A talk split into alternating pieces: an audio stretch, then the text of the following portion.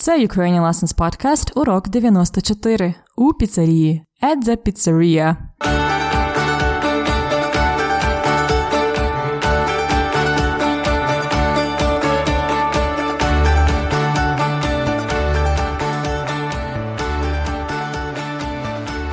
Привіт! Мене звати Анна. Я вчителька української мови. І ви слухаєте подкаст Уроки української. Як справи?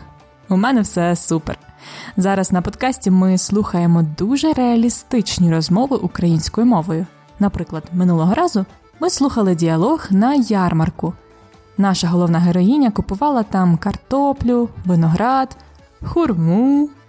А поза минулого разу Христина була на блошиному ринку, де вона придбала гарненьку вишиваночку. Сьогодні буде, мабуть, одна з найтиповіших ситуацій не тільки в Україні, а й по всьому світу. Христина і її сусідка Леся будуть вечеряти в піцерії. Про те, як вони вирішують туди піти і як вони вибирають піцу, ми послухаємо сьогодні. А тоді поговоримо ще трохи про доконаний і недоконаний види дієслів, а саме про чергування, зміни, які відбуваються при утворенні доконаного виду. То як, готові починати?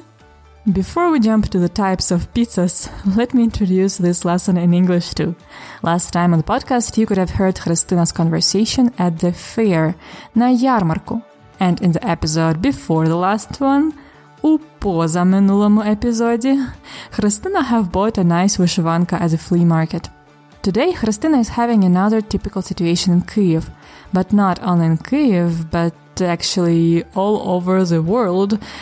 Her roommate Lesya and she are going to the pizzeria. So you will listen to how they decided to go there and how they are making the order. Then we will talk more about the perfective and imperfective aspects, specifically about чергування, sound changes that happen when the perfective verb changes to imperfective. То як? Готові? Починаємо!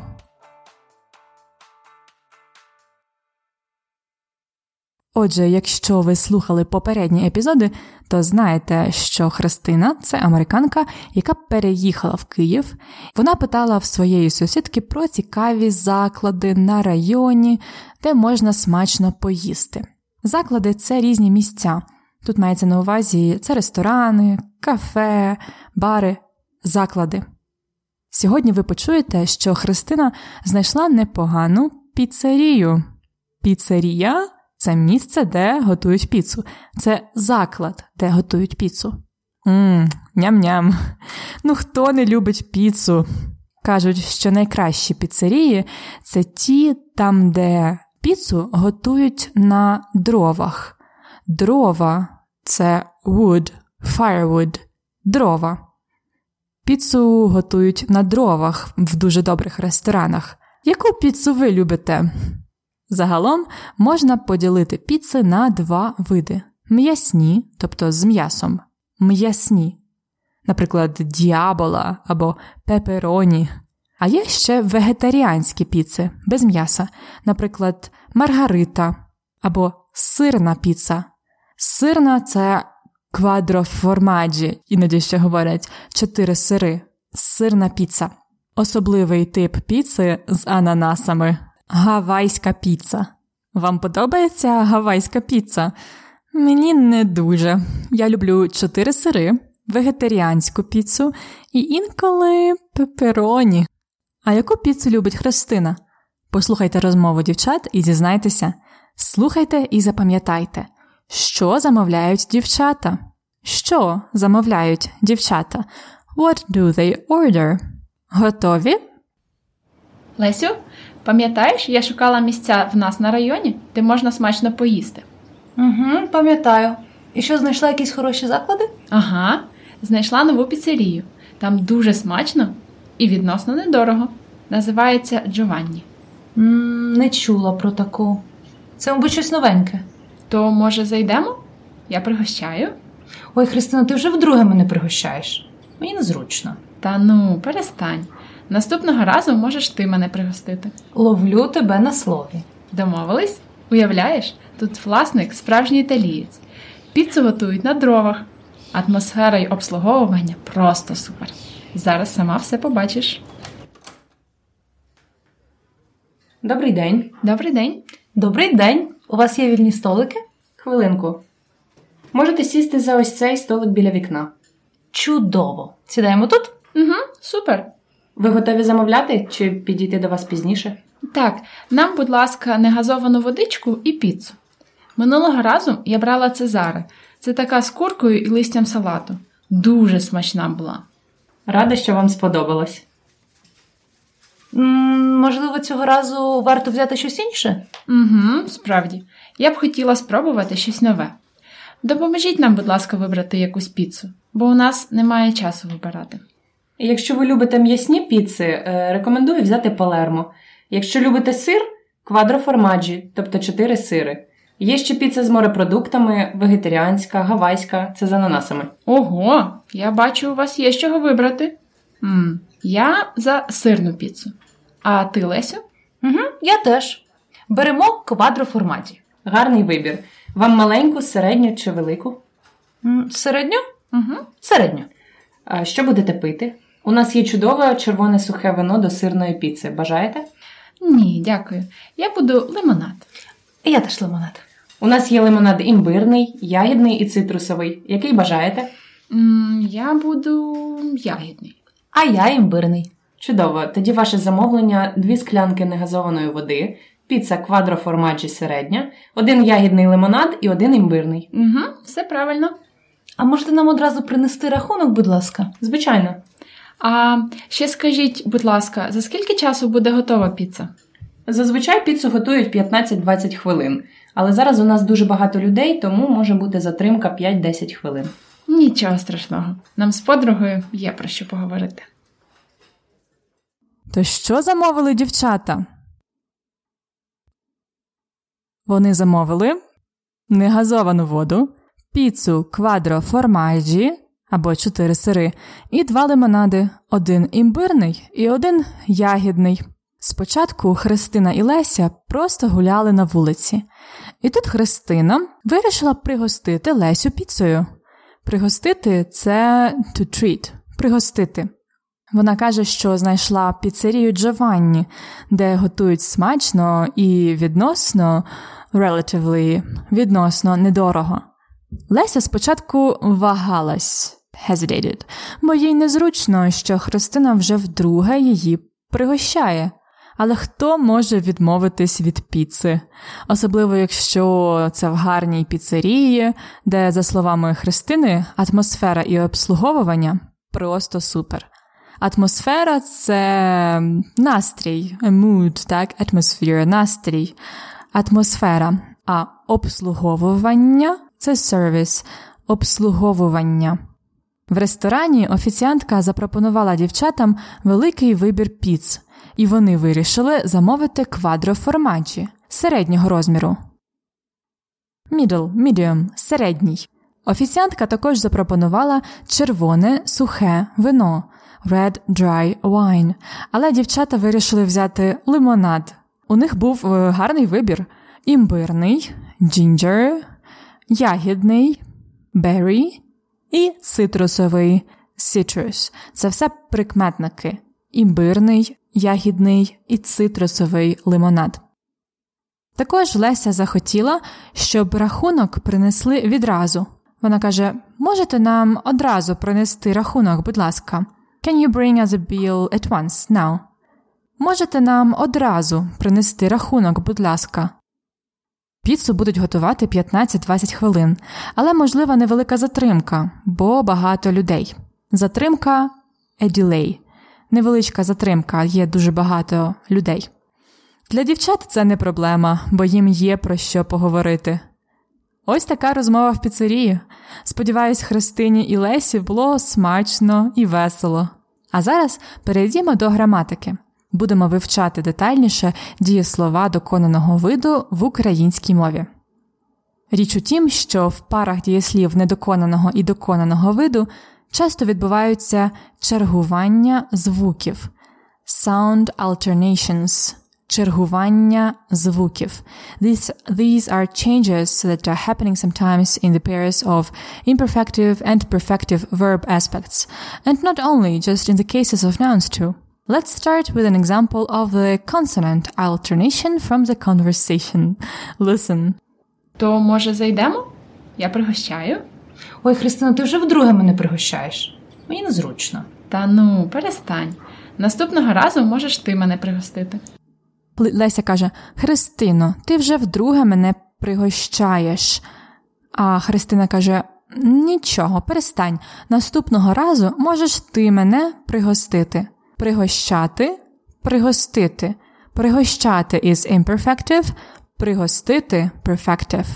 While the perfective aspect is formed by changing a suffix a to i, пригощати, пригостити, there is also an alternation щ to ст, пригощати, пригостити. Another example of this particular alternation is захищати, захистити, to protect. Similar alternation is ш to с. Запрошувати, запросити, to invite. Прикрашати, прикрасити, to decorate. Ш to с. Now listen to another consonant uh, sound change in the verb to sit. Можете сісти за ось цей столик біля вікна. Чудово. Сідаємо тут? Угу, супер. Офіціант каже: можете сісти за цей столик біля вікна. Алеся каже: Чудово, сідаємо тут. Сісти, сідати. Or сідати imperfective. Сісти perfective. Here there is alternation d to с. Сідати, сісти. Another example розповідати, розповісти. Д с to tell. Розповідати, розповісти. Let me now give you some more examples of the alternations.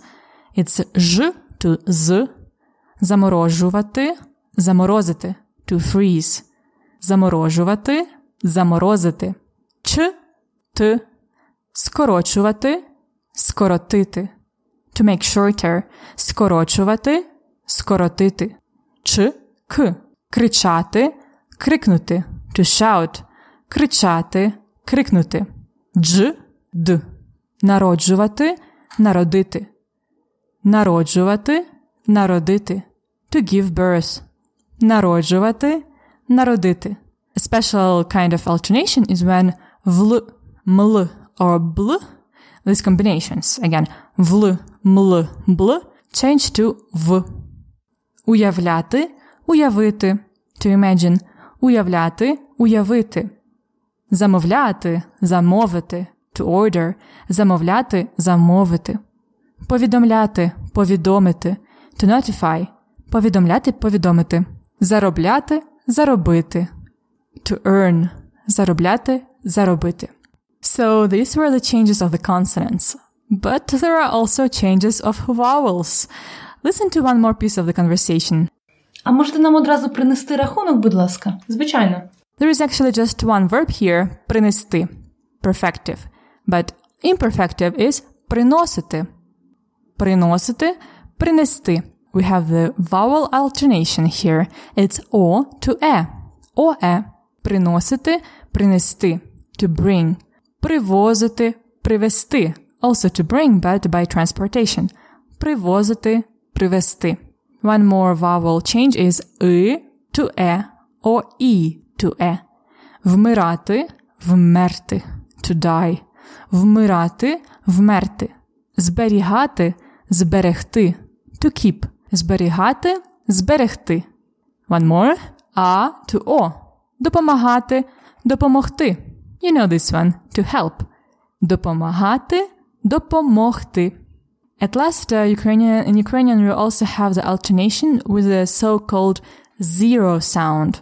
For example, збирати, зібрати. Збирати, and then i drops, it disappears. It's a zero change. Зібрати. Бр, no vowel. It means together, to pick. Збирати, зібрати. Listen to one more example of the conversation and try to catch the verb with i to zero sound change. Допоможіть нам, будь ласка, вибрати якусь піцу. бо у нас немає часу вибирати. And these are the verbs вибирати, вибрати, вибирати, вибрати. So, this was an overview of the sound alternations between imperfective and perfective verbs. You can find more examples in one page table of alternations in the lesson notes of the today's episode. Also, don't miss more practice with the exercises there. А зараз пропоную вам послухати ще раз розмову у піцерії. Готові? Лесю, Пам'ятаєш, я шукала місця в нас на районі, де можна смачно поїсти. Угу, пам'ятаю. І що знайшла якісь хороші заклади? Ага, знайшла нову піцерію. Там дуже смачно і відносно недорого. Називається Джованні. м не чула про таку. Це, мабуть, щось новеньке. То, може, зайдемо? Я пригощаю. Ой, Христина, ти вже вдруге мене пригощаєш. Мені незручно. Та ну, перестань. Наступного разу можеш ти мене пригостити. Ловлю тебе на слові. Домовились? Уявляєш, тут власник справжній італієць. Піцу готують на дровах. Атмосфера й обслуговування просто супер. Зараз сама все побачиш. Добрий день. Добрий день. Добрий день. У вас є вільні столики? Хвилинку. Можете сісти за ось цей столик біля вікна. Чудово. Сідаємо тут? Угу, супер. Ви готові замовляти чи підійти до вас пізніше? Так, нам, будь ласка, негазовану водичку і піцу. Минулого разу я брала цезари. Це така з куркою і листям салату. Дуже смачна була. Рада, що вам сподобалось. м можливо, цього разу варто взяти щось інше? Угу, справді. Я б хотіла спробувати щось нове. Допоможіть нам, будь ласка, вибрати якусь піцу, бо у нас немає часу вибирати. Якщо ви любите м'ясні піци, е, рекомендую взяти палермо. Якщо любите сир, квадроформаджі, тобто 4 сири. Є ще піца з морепродуктами, вегетаріанська, гавайська, це з ананасами. Ого, я бачу, у вас є з чого вибрати. м я за сирну піцу. А ти, Лесю? Угу, я теж. Беремо квадроформаті. Гарний вибір. Вам маленьку, середню чи велику? М, Середньо? Угу. Середньо. А що будете пити? У нас є чудове червоне сухе вино до сирної піци. Бажаєте? Ні, дякую. Я буду лимонад. Я теж лимонад. У нас є лимонад імбирний, ягідний і цитрусовий. Який бажаєте? м я буду ягідний. А я імбирний. Чудово. Тоді ваше замовлення: дві склянки негазованої води, піца квадроформаджі середня, один ягідний лимонад і один імбирний. Угу, все правильно. А можете нам одразу принести рахунок, будь ласка? Звичайно.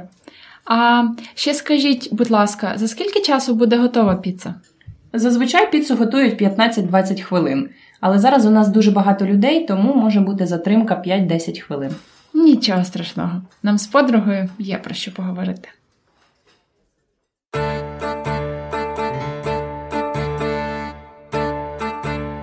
Дієслово дня. Since in Ukraine we like to treat people well, the verb of the day today is пригощати. Пригощати is to treat with food or drinks, or we can say to entertain, to invite. For example, if you want to pay the bill during your meeting or date, you can say Я пригощаю. I treat you, my treat. Я пригощаю. Or when you invite someone over, you can say Я хочу пригостити тебе тортом, який я спекла. I wanted to treat you with a cake I baked. Uh, come over. As you've learned before, this verb in perfective has an alternation щ to ст. Пригощати, пригостити. Now let's conjugate the verb in the present. Я пригощаю. Ти пригощаєш. Він пригощає. Ми пригощаємо. Ви пригощаєте. І вони пригощають. Звісно, це перша дієвідміна. А ви часто пригощаєте своїх друзів чимось смачненьким? Якщо так, я хочу бути вашим другом. Фразеологізм дня. Послухайте уривок з діалогу з фразеологізмом дня. Ой, Христина, ти вже вдруге мене пригощаєш. Мені незручно. Та ну, перестань. Наступного разу можеш ти мене пригостити. Ловлю тебе на слові. Леся каже: Христину, ти вже вдруге мене пригощаєш. Мені незручно. You're treating me for the second time. I don't feel good about it. Та ну перестань. Don't worry about it, каже Христина. Наступного разу можеш ти мене пригостити. Next time you can treat me. Ловлю тебе на слові, відповідає Леся. I'm, I'll make sure this to happen. Ловити на слові. Наш фразеологізм дня. Literally it means to catch at the word, to catch someone at his word. It means to take advantage of someone's occasional statement to make it certain to happen, to take one's word. Ти збираєшся займатися українською мовою щодня? Ловлю тебе на слові.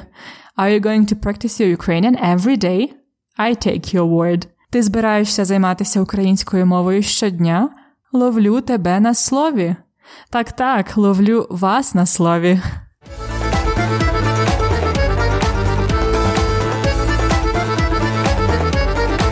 Культурний факт на подкасті.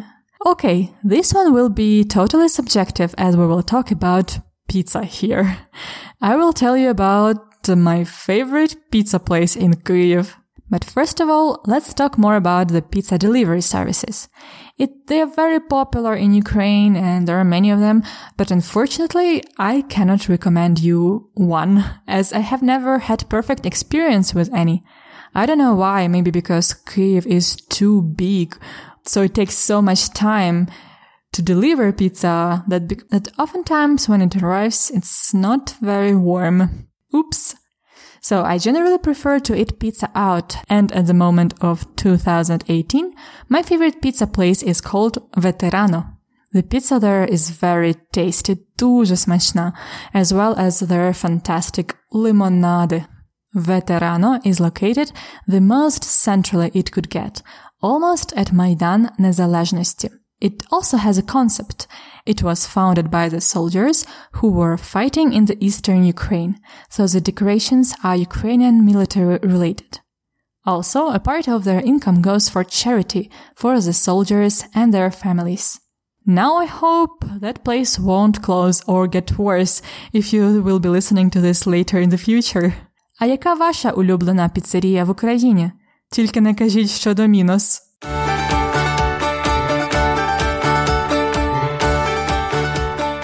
І на цьому смачному моменті ми закінчуємо черговий епізод подкасту Ukrainian Lessons.